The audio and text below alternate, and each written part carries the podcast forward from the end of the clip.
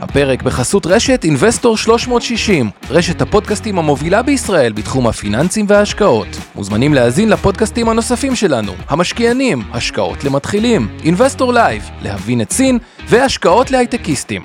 הופק ונערך על ידי שמע, פודקאסטים ויצירות סאונד.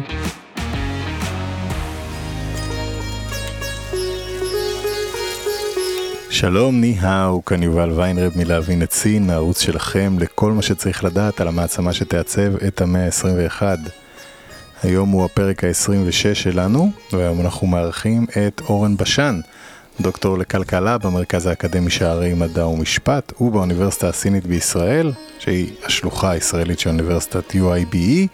עם אורן נדבר היום על אה, נושא מאוד מעניין, שאני יודע שהרבה מהמאזינים אה, ביקשו שנעסוק בו, אה, שזה כל נושא היואן הדיגיטלי, המטבע הדיגיטלי של הממשל המרכזי והבנק המרכזי בסין.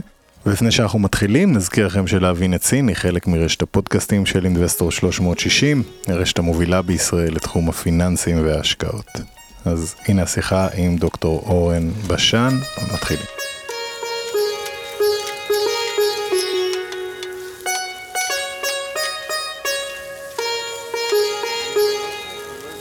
שלום וני-האו לדוקטור אורן בשן. שלום וברכה.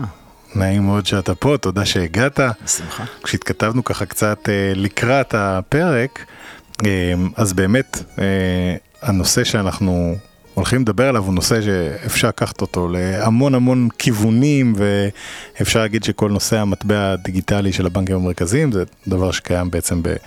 הרבה מאוד מקומות בעולם, נדמה לי בסקר האחרון שראיתי מעל 80% מהבנקים המרכזיים בעולם מתכננים לפתח איזשהו אה, מטבע דיגיטלי מרכזי. אה, אבל סין היא באמת נחשבת למובילה העולמית בתחום הזה, אה, גם מבחינת הביצוע בפועל, כלומר היואן הדיגיטלי כבר נמצא בשימוש, אמנם עדיין בסוגים שונים של אה, פיילוטים, אבל כבר בהיקף אה, רחב. ובגלל זה זה יהיה בו באמת מאוד מעניין לדבר היום ככה גם על מטבע דיגיטלי באופן כללי, אבל גם ספציפית על היואן הדיגיטלי ומה הוא בא לשרת. אז אה, אולי בתור התחלה, אורן, אתה יכול לספר לנו קצת מה זה בכלל הרעיון הזה של מטבע דיגיטלי של הבנק המרכזי? בגדול, מטבע דיגיטלי של הבנק המרכזי זה אה, איזשהו מטבע פיאט מאני, כלומר מטבע שהוא אה, באחריות המדינה. Mm-hmm. אמנם הוא דיגיטלי, אבל הוא פשוט בא להחליף את השטרות והמטבעות הקיימים. כן. זאת אומרת שאין שום הבדל, בגדול, כן? אין שום הבדל בין המטבע הפיזי, השטרות והמטבעות, ובין המטבע הדיגיטלי, מלבד uh, מאפיינים כאלה ואחרים. אבל מבחינת uh, היצע כסף, או האחריות של הממשל המרכזי לתקפות של המטבע הזה, הכל אותו זה. אותו דבר בדיוק. אוקיי. Okay. אותו דבר בדיוק. יש כמובן הבדלים במאפיינים של המטבעות, אבל בגדול המטבע הדיגיטלי של המדינה בא להחליף בסך הכל את השטרות והמטבעות הפיזיים שקיימים במדינה. אוקיי. Okay. אך ורק את זה. אז, אז מה בעצם הרעיון של למה בעצם להקים מטבע כזה? אני חושב שמבחינה, אה, נקרא לזה מבחינה היסטורית, הגיע הזמן לעבור למטבעות דיגיטליים. זאת אומרת, אה, כשהיה נוח לעבור לשטרות, עברנו לשטרות, אה, ברגע שאנחנו מנהלים את כל המסחר באמצעות. מערכת סלולרית, או טלפונים, מחשבים, אני חושב שזה השלב שבו אפשר להתחיל לעבור למטבע דיגיטלי. שאין צורך יותר להדפיס כסף ולהטביע מטבעות, הגיע השלב שבו אפשר לעבור למטבעות דיגיטליים שלא מצריכים הרבה תחזוקה. נכון, אז, ב- אז באמת יש עניין של תחזוקה פיזית, כלומר mm-hmm. אתה לא צריך לייצר עכשיו אה, מלא יודע מה, נחושת או בדיל או מה שלא עושים את המטבעות, ולא אה, צריך נייר בשביל השטרות, ובאמת רוב התשלומים היום, אם אנחנו מסתכלים על התשלומים שאנחנו עושים היום בפועל, הרוב הגדול מתבצע באשראי או אונליין או בחנות או אפילו דרך אפליקציות היום שונות אה, למיניהן. אז זה סיבה אחת באמת. ומה מה היתרון מבחינת אה, בנק מרכזי בלעבור לזה מעבר לזה שזה באמת יותר נוח? כלומר, בסוף אם אנחנו מסתכלים, אני רק אגיד, אם אנחנו מסתכלים על מטבע דיגיטלי, אחד הדברים שקופצים ישר לראש זה זה שבוא נגיד עסקאות בשחור מה שנקרא הם בדרך כלל במזומן. נכון. אז פתאום זה יהיה אולי איזשהו משהו שנועד לעצור את זה, או שזה לא... אני- לא חושב שזה יעצור את ה- אה, את כל המסחר אה, אה, הלא חוקי. מי שירצה לעבוד מתחת לשולחן עדיין יעבוד ככה. בדיוק. כן. בוא נאמר ככה, קודם כל כשהכניסו את המטבע הדיגיטלי, מכניסים אותו ביחד עם המטבעות הפיזיים. כן. עם המטבעות והשטרות הפיזיים. זאת אומרת כן. שתמיד יהיה אפשר לסחור בכסף אה, אה, פיזי. כן. גם בשלב שבו הממשלה תחליט, הממשלה הסינית תחליט אה, לבטל את הכסף הפיזי, עדיין יהיה להם דרכים אה, לסחור, הם כנראה ילכו צעד אחד אחורה ויעברו ל-commodity money, כלומר... מטבעות זהב שיש להם, כן, כן, כן. ו- ופשוט ימציאו מטבע חדש שלהם ויסחרו בו. כן. מטבע שיש לו ערך אה, אינהרנטי. כן, כלומר שהוא כבר לא, נחזור בעצם, הפיאט מאני אולי יהיה דיגיטלי, אבל נחזור בעצם אחורה. לכסף ה... כן. הם, ימצאו דרכים, זאת אומרת הפשע לא, לא כן, ייעלם, כן. זה בטוח. הם הכי חדשניים בסוף יותר מכולם. אוקיי, אז זה באמת מעניין, אז זה פחות העניין הזה, אבל מה כן היתרונות שלדעתך יש להם מטבע דיגיטלי מרכזי כזה? כלומר, מה האינטרס בסוף, מעבר לזה שהגיע הזמן, יש הרבה דברים שהמטבע הדיגיטלי בעצם מגלם בתוכו מבחינת אפשרויות, כלומר כל הטרקינג של שימושים בכסף או דברים כאלה הוא בטח הרבה יותר, אה, בואו נתחיל עם זה שמאוד אה, נוח לסחור במטבע הדיגיטלי. כן, נתחיל מזה. Uh, הכוונה uh, בפיתוח של המטבע הדיגיטלי היא קודם כל לגרום לאנשים להיכנס uh, לשווקים הפיננסיים בצורה קלה יותר. מהמם. Uh, יש כמובן בסין המון המון כפרים שבהם uh, uh, הרבה מאוד מהאזרחים שם uh, בכלל אין להם לא חשבון בנק או uh, הם לא נכנסים, הם לא לוקחים הלוואות, או כל מה, כל מה שקשור למערכת הפיננסית הם לא משתמשים בהם בגלל, ה, בגלל שאין להם אינטרנט או כל מיני מגבלות כאלה ואחרות. המעבר לכסף דיגיטלי ולארנק הדיגיטלי יאפשר להם להיכנס לשווקים הפיננסיים האלו. זאת. כן. זאת מטרה אחת. כלומר פחות דווקא אני מניח מהצד של האינטרנט אה, כי היום עם הוויירלס בטח ימצאו להם איזשהו פתרון אבל באמת זה שהם בכפר שהוא לא מחובר בוא נגיד בתשתיות ל... אין להם כנראה סניף בנק אה, צמוד שהם קופצים אליו ולוקחים הלוואה. אז אז זה יאפשר להם בעצם לעשות זו איזשהו דרך, מעקף. דרך אחת לאפשר להם להיכנס לשווקים הפיננסיים ודרך נוחה יחסית, מה שלא היה להם עד עכשיו. דבר נוסף, כמו שאמרת, אפשר לעקוב אחרי העסקאות. והממשלה הסינית אה, כמובן טוענת שהמטבע הדיגיטלי הוא מטבע אנונימי עד רמה מסוימת, עד מגבל, מגבלת, מגבלה מסוימת, מגבלות אה, אה, של אה, איסוף מידע. אה, כן. הם אה, כן אה, הולכים לעקוב אחרי עסקאות גדולות. בנוסף, יש את היתרון של העלויות התפעול היחסית נמוכות. ויש את ה... נראה לי, ה, מה שעומד מאחורי הכל זה שהם כן מעוניינים באיזשהו מקום שהמד... שהיואן דיגיטלי יהיה פשוט מטבע בינלאומי. יש להם את הדרך שלהם, אבל על זה נדבר. אוקיי, אז באמת, באמת נגיע לנקודה הזאת בהקשר הגלובלי וההשפעה של המטבע. אז מבחינת, רק בשביל שנבין ככה, מטבע דיגיטלי בסוף, והזכרת את הנושא של המידע, שזה, אה, או עד כמה המידע הזה חשוף. אז דבר ראשון, כמו בסין, תמיד ההנחה היא שבסוף הממשלה, אם היא רוצה, תוכל לשלוף משם כל אה, מידע, וזה אולי אה, מביא אותנו לאחת הנקודות ש...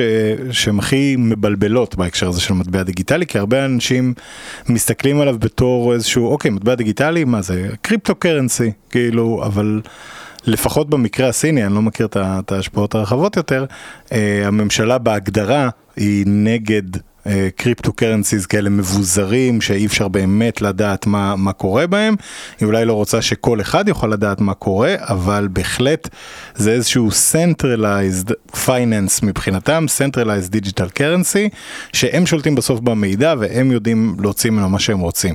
עכשיו, מה זה אומר בעצם מבחינת המטבע הדיגיטלי ברמה ה...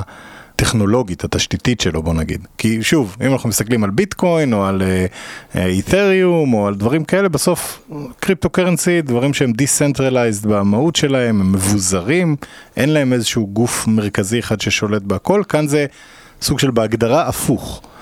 אז אה, איך מסתכלים על זה? בואו בוא נתחיל בעובדה שכל המטבעות הקריפטו, אני לא בטוח שאפשר לקרוא להם מטבע פיאט לפחות, או כסף פיאט. נכון. כי אה, הוא לא תמיד משמש כאמצעי למסחר, לפחות, לפחות לא ברמה אה, גלובלית, יש הרבה מדינות שאוסרות מסחר בקריפטו. כן. אין, אין לו ערך מסוים לכסף הזה, כן. בניגוד לפיאט מאני, ששם המדינה היא זו שעומדת מאחורי הכסף. זאת אומרת, בסופו של דבר, הכסף שהמדינה מנפיקה, מאחוריו עומדים הנכסים של המדינה. כלומר, יש בסוף ערך שעומד מאחורי הכסף הזה. כן, כן, למטבעות הקריפטו אין את הערך הזה. כן. זה דבר ראשון. זאת אומרת, יש הבדל מאוד מאוד רציני בין הקריפטו מאני והפיאט מאני. נתחיל מזה. כן, חוץ מהעובדה שבכסף שהמדינה מנפיקה, יש לה יכולת לעקוב אחריו, כל העסקאות עוברות דרך הבנק המרכזי, לא דרך הבנקים המסחריים. מהמם. זאת אומרת שיש להם שליטה לגמרי על כל העסקאות שמתנהלות דרך הארנק הדיגיטלי. כן, וכמו שאמרנו, הם יכולים, כמו שהם רוצים, אם הם- רוצים, הם יכולים גם לבטל עסקאות שנראות להם לא אה, חוקיות או לא אה, ראויות.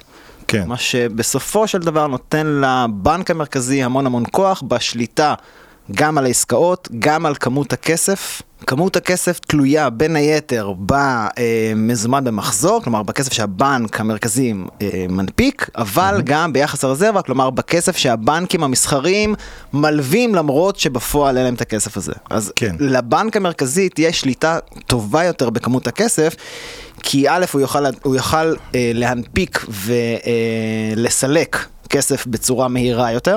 כן, מה שמאפשר לו אה, מרחב אה, אה, גדול יותר בשינוי של כמות הכסף, וכמובן כמות הכסף משפיעה על הערך של הכסף, על האינפלציה ועל הריבית אה, שהבנקים המסחריים קובעים, כלומר לכמות הכסף יש השפעה מאוד מאוד גדולה ב, אה, בשוק, בשוק הכסף. כן. וברגע שיש לך שליטה על זה, אתה, אה, יש לך יכולת לשמור על הערך של היון, של היון באופן כללי בצורה טובה יותר, אז יש לזה גם יתרון. כן. אז זה, זה מעניין, כי באמת, אה, אם מסתכלים כבר על העניין הזה של, ה, של השליטה ב, בכסף, מניח שהאפשרות של הממשל בעצם לשלוט לא רק ברמת סך הכסף, אלא באמת לרדת לרזולוציות גם, של בסוף, אוקיי, הנפקנו אה, ככה וככה כספים, הנה המקומות שאליהם הם הגיעו. כלומר, בעצם זה שמדובר במטבע דיגיטלי, בניגוד למטבעות אה, אה, סטנדרטיים, כמו שאנחנו מכירים עד היום, שבעצם לכל מטבע כזה, אתה יודע איפה הוא התחיל ואתה נוכל לדעת איפה הוא עבר ואיפה הוא נמצא כרגע. שזה גם, זה הופך את, ה, את רמת השליטה ואני מניח היכולת של הממשל לעקוב אחרי ההצלחה או ההוצאה לפועל של מדיניות כלכלית שלו בצורה הרבה יותר איכותית. זה נכון, אני רק אסייג את מה שאנחנו אומרים עכשיו, כי כן. כל עוד הבנק המרכזי מנפיק גם מטבעות דיגיטליים וגם מטבעות פיזיים, יהיה יהיה לו בעיה לשלוט בכמות הכסף, כי לדעתי... אה, יש, אמנם אה, הכסף הדיגיטלי והכסף הפיזי הם זהים עד כדי מספר מאפיינים שכן בסופו של דבר מבדילים ביניהם. כלומר, אני, לדעתי לכסף הפיזי יהיה ביקוש, הם הרי טוענים שעד שהביקוש לכסף הפיזי לא, לא ייגמר, הם ימשיכו להנפיק כסף פיזי, לפחות לזה הם מתחייבים, התחייבו. כן, הביקוש לכסף פיזי תמיד יהיה, לפחות מהצד של העבריינים. כן. ושל כל אלה שבכפרים, שיש כן, להם אבל שוב, יותר אולי אמון. נדפיק להם ככה מטבעות בסטייל כאלה מזהב, יהלומים, כן. bling bling. בסוף הממשל יצטרך לחתוך את העניין הזה, הוא- כן. לא יכול- הוא לא יכול לחכות לציבור שיפסיק להשתמש בכסף כן, פיזי. הפואנטה של המטבע הדיגיטלי, שזה מה שאתה אומר בעצם, זה- שהוא המטבע היחיד בסוף, אז אתה מקבל את כל היתרונות נכון, שלו. אבל כל עוד הוא אה, מונפק במקביל למטבע פיזי, אז תהיה בעיה בשליטה בכמות הכסף, ואני אסביר למה. כי ייווצרו שני שווקים לכסף. לשוק, יהיה איזשהו ביקוש ליואן דיגיטלי ויהיה ביקוש לכסף פיזי. כן, והביקוש הזה ישתנה כל הזמן. וכל פעם שהביקוש הזה משתנה, הממשל יצטרך אה, אה, להנפיק יותר מטבעות ופחות מטבעות, כלומר לשנות את ההיצע של הכסף כך שלא יהיה הבדל בשווי של הכסף. כן, תנסה לחשוב מה קורה אוקיי. כאשר הביקוש ליון דיגיטלי, או גובר על הביקוש לכסף, אה, אה, לכסף פיזי, אז הערך של היון הדיגיטלי יהיה יותר גדול מהערך של הכסף הפיזי, או להפך, כן. הביקוש לכסף פיזי יהיה גדול יותר. וכאן, מעניין. וכאן השליטה ב, אה, אה, בהבדלים בין השווי של הכסף, זה לא, לא יהיה פשוט. נכון, זאת אומרת, הם האמת יצטרכו לא- ממש לשחק, אה, ממש... אה, אה, אפילו שבעצם אה. הערך שלהם כאילו בסוף בשוק אמור להיות אמור אותו להיות ערך. הוא אמור להיות כן. זה, אבל בוא- בוא בוא ננסה לחשוב שנייה, אנחנו נמצאים עכשיו נגיד יש בכפר. הטבה עכשיו, אם תשתמש בעניין דיגיטלי, תקבל כן. 20% הנחה. נניח אני. הגעתי לכפר בסין והם שם, הם מעדיפים שם לסחור בכסף מזומן. כן. הביקוש לכסף מזומן הוא שם, הוא הרבה יותר גבוה.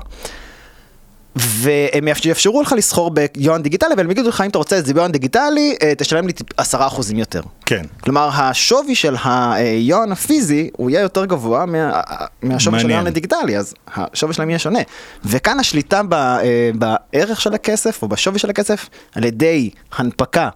של או יואן דיגיטלי או המשחק בין הכמות של היואן הדיגיטלי והיו- והיואן הפיזי שהממשל יצטרך להנפיק, כאן היא תהיה מאוד מאוד חשובה.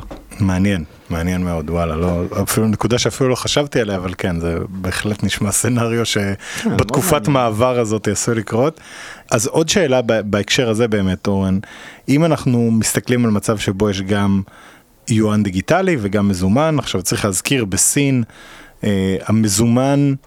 בכפרים ודברים כאלה אני מאמין שעדיין כמובן יש לו משמעות הרבה יותר גדולה, אבל בסוף בערים היום אתה מוציא מזומן לשלם למישהו, מסתכל עליך כאילו נפלת מהירח ואתה איזה איש מערות אה, שרוצה, אתה יודע, לשלם לו בסוסים וגמלים, אבל אה, בעצם אני, אני בא להגיד זה כי יש היום כבר תשלומים דיגיטליים שעובדים בסין מאוד יפה, כלומר טנסנט ועליבאבא מובילות את התחום הזה, רוב הדברים הם משולמים בסוף בארנקים דיגיטליים.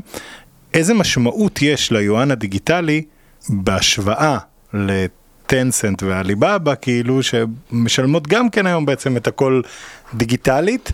האם זה רק עניין של פשוט לרכז, לוודא שמרכזים את הכל דרך הממשל המרכזי, או שיש פה איזשהו יתרון נוסף לדעתך? אני חושב שהסיבה שהיון הדיגיטלי נכנס בצורה יחסית חלקה לשוק הסיני זה בגלל אותן שתי חברות שהזכרת.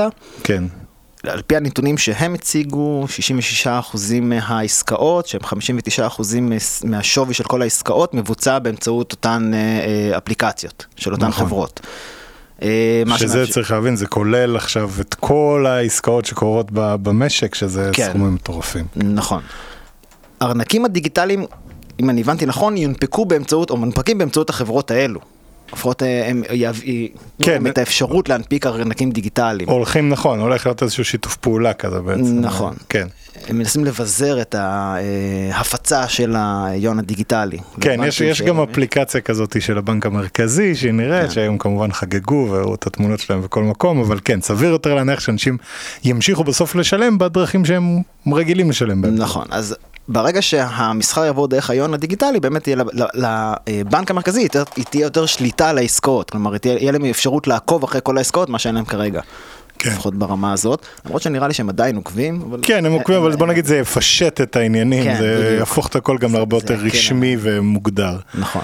אמ, ואז באמת שהם עוקבים אחרי כל העסקאות האלה, אני חוזר שנייה לנושא הזה של, ה, של ההשוואה לקריפטו קרנסי. בסוף אחד הדברים המעניינים שיש במטבעות דיגיטליים גם, זה יכולת באמת, כמו שאמרנו, לעקוב אחרי כל אה, יואן דיגיטלי שהוא, אה, ולדעת את המסלול שהוא עשה ואיפה הוא עבר, ומזה להבין גם לשם מה הוא שומש ברמת ודאות אה, גבוהה יחסית.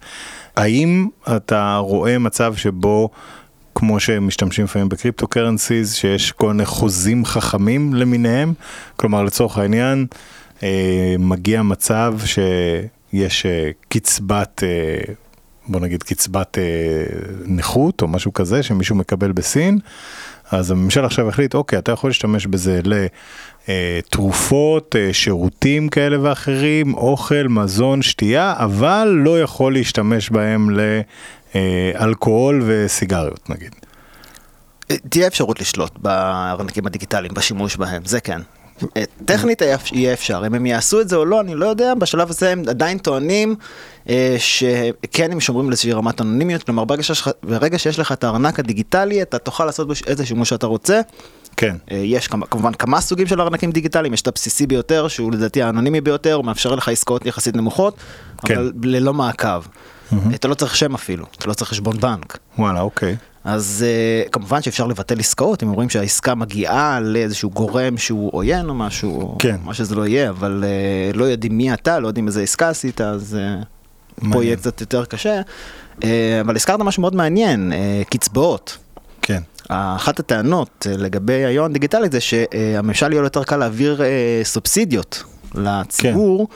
בלי לדאוג לשחיתויות במעבר של הכסף לאזרחים. נכון. שיש להם בעיה כזאת, אבל... אה, יש, יש, כן. יש. אז זה, זה, זה גם כן איזשהו אה, אה, הסבר למה כדאי להפיץ את ההון הדיגיטלי. כן, גם. נכון. ו- ובעצם היכולת ל- לצבוע כל אה, כסף שאתה מעביר באיזשהו צבע ולהגיד, אוקיי, זה כסף שמועבר למטרה הזאת. וכמו שאמר, אפ- אפשרי, כן. זה אפשרי? טכנולוגית זה אפשרי, אם, אם יעשו את זה או לא, אני עדיין לא בטוח. אני לא בטוח שהם עדיין, שהם עושים את זה עכשיו, אני לא בטוח, אני לא בטוח שהם יעשו כן. את זה בהמשך גם. אני, אני לא יודע, אני, אני חושב שעכשיו באמת זה עדיין לא קיים, אבל קונספטואלית, אה, בכל כן. הנושא הזה של מטבעות דיגיטלי זה אפשרי, וזה מביא מצד אחד, אתה יודע, זה כאילו מה שמסמל בעיניי איפשהו את, ה, את היתרון הכי גדול של, של מטבע דיגיטלי כמו שאני רואה אותו, ואת החיסרון, כשהיתרון זה זה שבאמת השליטה שלך היא מוחלטת. או הכי קרוב שיש למוחלטת, אתה יכול לדעת בדיוק לאן הכסף הולך, לאיזה מטרות אתה מייעד אותו, אתה אחרי זה יכול לעקוב אחרי איך הוא שומש בפועל, להסיק מזה משק... מסקנות, לטייב את המדיניות שלך, לראות מה עובד ומה לא עובד, להחליט כל אחד שהוא משתמש בכסף רק לדברים שאתה רוצה שהוא ישתמש באמת בכסף הזה, זה דבר אחד. מצד שני, זה הצד הפחות נעים של הסיפור הזה, שזה בעצם מהדק את השליטה. באזרחים, וכמה שאתה לוקח את, ה, את הפיידר הזה, בוא נגיד, יותר לכיוון ה, ה, הפרטים של מה מותר לעשות ורמת השליטה בכל ה- הצביעה הזאת של הכסף למטרות מסוימות, או לראות למה הוא משמש, ככה גם החופש של האנשים בעצם לעבוד ולעשות מה שהם רוצים הרחק מעינו הגדולה של, אה, הפקוחה של האח הגדול, אה, הולכת ומצטמצמת. זה נכון, אבל אנחנו צריכים לזכור שאנחנו מדברים פה על סין. נכון. זאת אומרת, ברגע שהמטבעות הדיגיטליים אה, יפותחו במדינות מערביות יותר, אני לא בטוח שהמדינות ירצו לעקוב עד כדי כך על, על, אה, על העסקאות, על המעבר של העסקאות, של הכסף. זאת אומרת, בסוף זאת. החלטה של המדינה. של הממשל המרכזי והבנק המרכזי. בדיוק, ביחד אבל כן. אנחנו מדברים פה עכשיו על סין, גם ככה השלטון בסין הוא שלטון ריכוזי, נכון, יחסית, כן? נכון. אז אה, אמנם הכלכלה שלהם היא פתוחה, אבל השלטון עצמו הוא אה, ריכוזי. נכון. כך שבסופו של דבר, אה, מה הם יעשו עם הכסף ואיך הם ישתמשו במידע שהם מקבלים, זה כבר תלוי בהם. נכון. יש להם את היכולת. אם הם ישתמשו בו או לא, זה כבר תלוי גם בהם וגם באזרחים שיגיבו למגבלות האלו. כלומר, כן. אם בסוף המגבלות האלה י- י- יביאו למצב שאנשים לא ירצו את ההיון הדיגיטלי, או שזה מה שיגביל את הכניסה של ההיון הדיגיטלי למסחר, בינלאומי, אז יכול להיות שאולי הם יוותרו על זה או יקטינו את הפיקוח שלהם. נכון, זה זה באמת, להיות. זה נקודה מאוד מעניינת וזה, אתה יודע, עוד חזון למועד, נראה בסוף מה יקרה בפועל. כן, בדיוק. אבל אה, באמת זה שסין היא הראשונה שמוציאה דבר כזה לפועל זה מעניין, כי בסוף, בוא נגיד בהנחה שהכל אה, עובד כמו שהם מתכננים והיואן הדיגיטלי באמת מאפשר לממשל המרכזי עכשיו לעשות הכל בצורה הרבה יותר יעילה, להוציא לפועל מדיניות בצורה יעילה, מביא את כל הבנפיטס האלה הכלכליים שטמונים בו, ומצד שני יהיה הרבה מאוד אה, פגיעה, כמו שהזכרנו, ב, ב, ברמת המעקב אחרי הפעילות הכלכלית של כל האזרחים והגופים במדינה. כשזה יגיע למדינות מערביות, אז אני מניח שתהיה איזושהי שאלה, אתה יודע, ש, שאולי גם הציבור, אה, בוא נגיד, בנושא הכלכלי יהיה אה, חלוק בה. שזה אומר בעצם, אוקיי, אנחנו רוצים חופש אה, בכל מקרה, או שאנחנו רוצים משהו שאנחנו יודעים בוודאות שעכשיו מצמצם את השחיתות בככה וככה אחוזים, מאפשר אה, פחות בזבוז של משאבים לדברים לא יעילים, ואז יהיה, אוקיי, אנחנו רוצים יעילות מקסימלית, אנחנו רוצים חופש מקסימלי, זה יהפוך את זה בעצם לאיזושהי שאלה אה, שכל מדינה תצטרך להכריע בה. אז קודם כל נתחיל מה, אה, מהמשפט הראשון שאמרת, שזה כן. מפתיע שסין התחילו עם זה, זה לא כזה מפתיע שסין התחילו עם המטבע הדיגיטלי. סין תמיד הייתה... אה, מת... כן, כן, לא, אמרתי שזה מפתיע, לא, לא התכוונתי. לא, לא, לא, נכון. אבל כן. סין היא גם הראשונה שהתחילה להשתמש בשטרות. במאה התשיעית. נכון, נכון, נכון, נכון. כן, זה לא אמת. מפתיע, כשיש לך אוכלוסייה כל כך גדולה ואתה צריך להנפיק אה, אה, כסף לכולם, אז אולי אתה מחפש דרכים זולות יותר להנפיק את הכסף הזה, זה הגיוני שזה יתחיל מסין. כן. אה, אה, לגבי מדינות מערביות, זה תלוי באזרחים בסופו של דבר. אם, ברגע שרוצים להכניס אה, אה, כסף דיגיטלי למחזור, כן. צריך שיהיה לו ביקוש, והביקוש יהיה תלוי בעד כמה הפיקוח על הכסף יהיה אה, אה, ריכוזי נאמר. כן. זאת אומרת, בסוף, אם הממשל, הממשלות המערביות יפקחו על הכסף בצורה, אה, נגיד, אה, הדוקה יותר, כן, יכול להיות אולי שלא יהיה ביקוש לכסף הזה, ואז המדינות פשוט יצטרכו לוותר על זה. כן. אבל זה, זה תלוי באזרחים לדעתי. במדינות מערביות זה תלוי באזרחים, בסין ובמדינות אחרות אה, יותר אה, אה, ריכוזיות זה תלוי בממשל. כן, יש הבדל. זאת אומרת, הכניס... אני, כן. אני, אני בטוח שהכניסה של המטבע הדיגיטלי במדינות אה, אה, מערביות יהיה שונה מהכניסה שלו ב, נכון. בשוק הסיני. יהיה מעניין מאוד לראות uh, כמה, אתה יודע, כן. בסוף האזרחים, בסוף לא ואיך להם הם ברירה. יגיבו לזה, כאילו. אבל, אבל גם במדינות המערביות, אתה יודע, בסוף כשזה יהפוך להיות איזשהו סטנדרט כזה, אז זה ייקח עוד 10 שנים, 20 שנה, כמה שזה לא ייקח, מתי שזה יהפוך להיות עוד סטנדרט, אה, יהיה מעניין מאוד לראות איך, איך תהיה התגובה של זה באמת. נכון? אחלה, זה באמת אולי מביא אותנו לעוד נושא שהוא uh, מעניין בפני עצמו ונגעת בו קצת בתחילת השיחה, שזה בעצם ההשפעה של הרעיון הזה של יואן דיגיטלי על המעמד של היואן באופן כללי כמטבע בעולם, מטבע לסחר גלובלי, מטבע רזרבה, שהיום זה קצת מצחיק לקרוא לו ככה כמובן בהיקף שבו משתמשים בו, אבל, אבל זה בסוף איזושהי שאיפה של סין וגם... Uh, באמת, אה, אני חושב ריי דליו בספר האחרון שלו דיבר על זה הרבה, ובאופן כללי יש איזה תפיסה כזאת שבסוף מי שמחזיק את המטבע הרזרבה של העולם, אה, הוא כנראה המעצמה הכי חשובה בעולם. כן. והסינים כמובן רואים את המצב של היואן מול אה, הדולר דולר ב-. בעולם, ואפילו מול היורו, אפילו מול המטבעות שכביכול לא אמורים להיות חזקים כמוהו ביחס לגודל הכלכלה, והם רואים שאין באמת ביקוש גדול לעסקאות ביואן- הם מאוד מנסים לשנות את זה דרך אה, קיום עסקאות עם כל מיני מדינות שמבוססות על יואנים, בעיקר באנרגיה ותשתיות וחומרי גלם ודברים כאלה, אבל בסוף זה עדיין נשאר חלק מאוד קטן ביחס לדולר. איך המעבר הזה ליואן דיגיטלי עשוי לעזור לסין בנושא הזה? אז קודם כל הבנק המרכזי ברמת ההצהרה טוען שאין בכ- בכ- בכוונה שלו להפוך את היון הדיגיטלי למטבע בינלאומי. כן. אה, הוא מודיע שם גם, הוא מודה גם, כמו שאמרת, שהמסחר ביון בשוק הבינלאומי הוא משמעותית נמוך ביחס לדולר והיורו.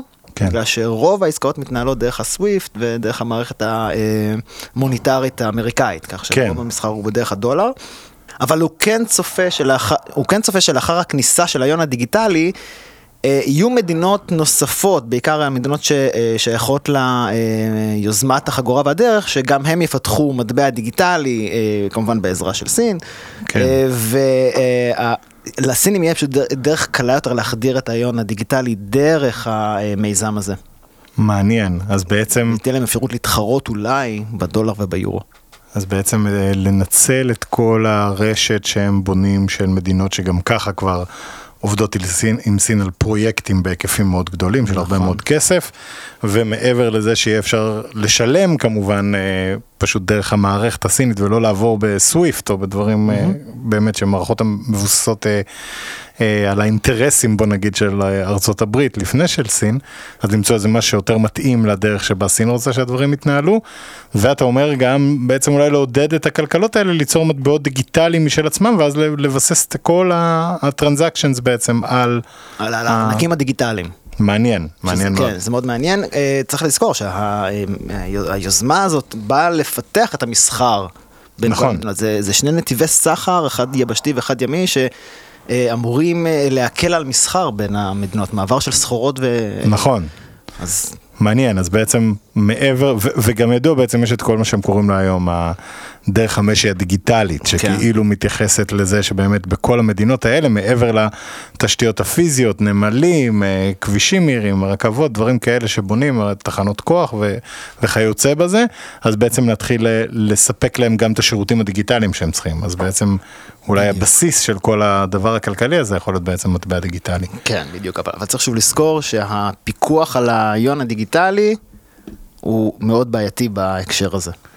כי שמה? ברגע שלממשל תהיה אפשרות לבטל עסקאות, אז כשאתה עושה עסקה בינלאומית עם ההיון הדיגיטלי, אתה צריך לוודא שהכסף הזה לא, אה, בסוף, שהעסקה הזאת לא תתבטל, לפחות לא ב... אה, שהכסף לא יחזור חזרה למי שקנה, או מי שהעביר את הכסף. למה שהוא יחזור בעצם? באיזה... כי הממשל יכול לבטל עסקאות. אה, אוקיי. יש את הפחד הזה, גם אם העסקה היא עדיין חוקית, אתה תמיד תחשוש, תמיד יהיה לך את החשש הזה שהממשל יכול, אם הוא רוצה, לבטל את העסקה. ואז אתה העברת סחורות ולא קיבלת כסף. הבנתי, מעניין. יש- אז- יש אז- אז עדיין חשש. צריך פה עניין של אמון מאוד גדול. בדיוק, נכון מאוד. וזה בעצם, אה, כמובן האינטרס של סינים אם היא מנסה ליצור מערכת כזאת, תהיה לפחות בהתחלה לעזור ליצור את האמון הזה, ולא שירגישו בדיוק, נכון. שהכל שקורה שם רק לפי הגחמה הסינית של הטווח הקצר.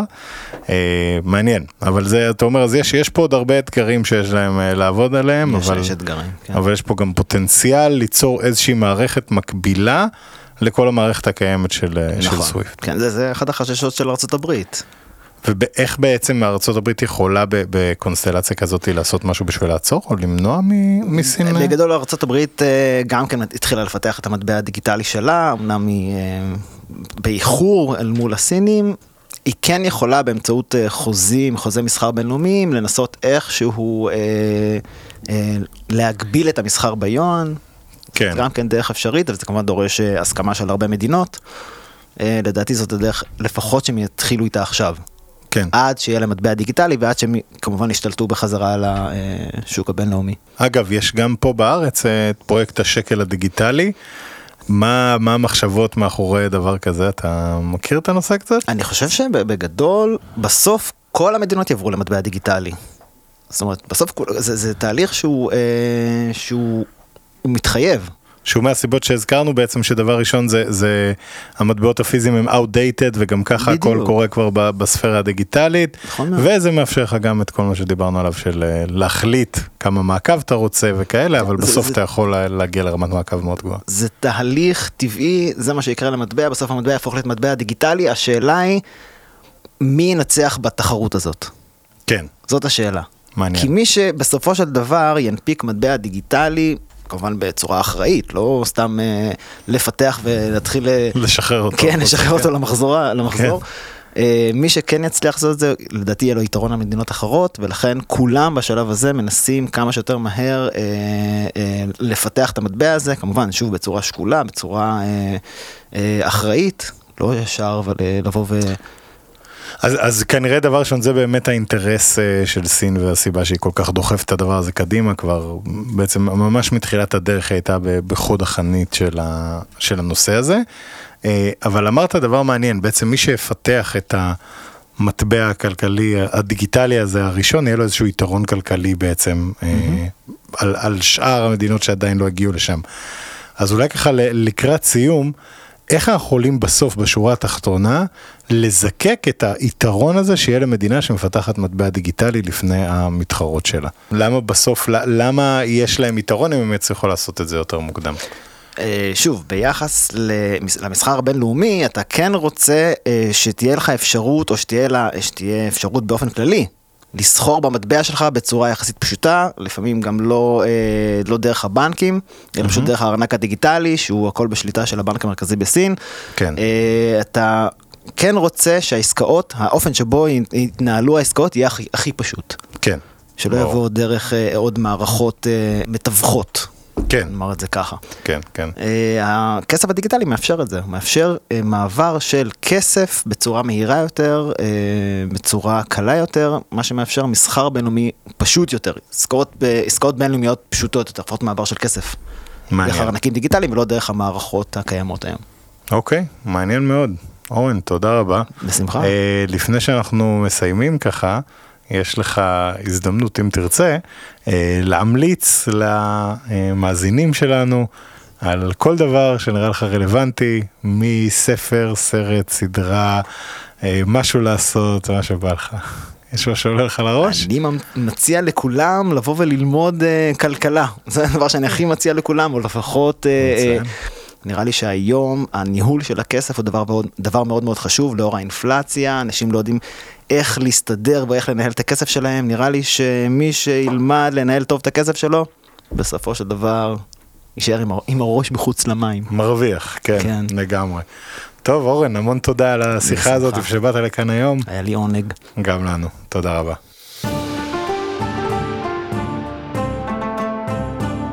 תודה רבה שהגעתם עד כאן. אם נהניתם, אשמח אם תדרגו את הפודקאסט ותשתפו אותו עם חברות וחברים שנראה לכם שימצאו אותו מעניין. אתם מוזמנים אה, להצטרף לקבוצת הפייסבוק של להבין את סין או לערוץ הטלגרם שלנו כדי לקבל עדכונים יומיים על מדינת המרכז. אני מזמין אתכם להאזין לפודקאסטים נוספים בנושאי פיננסים והשקעות, אה, הפודקאסטים של רשת אינבסטור 360. אני יובל ויינרב, תודה רבה לשם הפודקאסטים ויצירות סאונד על ההפקה, ולטובה היקרה שהייתה איתי פה באולפן, ותודה רבה לכם על ההאזנה. וכמובן, תודה רבה לדוקטור אורן בשן שהיה איתנו פה היום. עד הפעם הבאה, צייצ'ן. מעוניינים ללמוד יותר על עולם ההשקעות? האזינו לפודקאסטים נוספים שלנו. המשקיענים, אבנר סטפאק ועומר רבינוביץ' בתוכנית אקטואלית עם כל מה שחם בעולם ההשקעות. אינבסטור 360 לייב, אורן ברסקי ועומר רבינוביץ' מארחים את בכירי שוק ההון ומבינים את הטרנדים החשובים לשנים הקרובות. להבין את סין עם יובל ויינרב, עם כל מה שרציתם לדעת על הענקית מהמזרח. השקעות להייטקיסטים עם צח איציק, שיבנה איתכם תוכנית כלכלית להגשמת החלומות שלכם. והפודקאסט ההשקעות למתחילים, לכל מי שעושה את צעדיו הראשונים בעולם ההשקעות.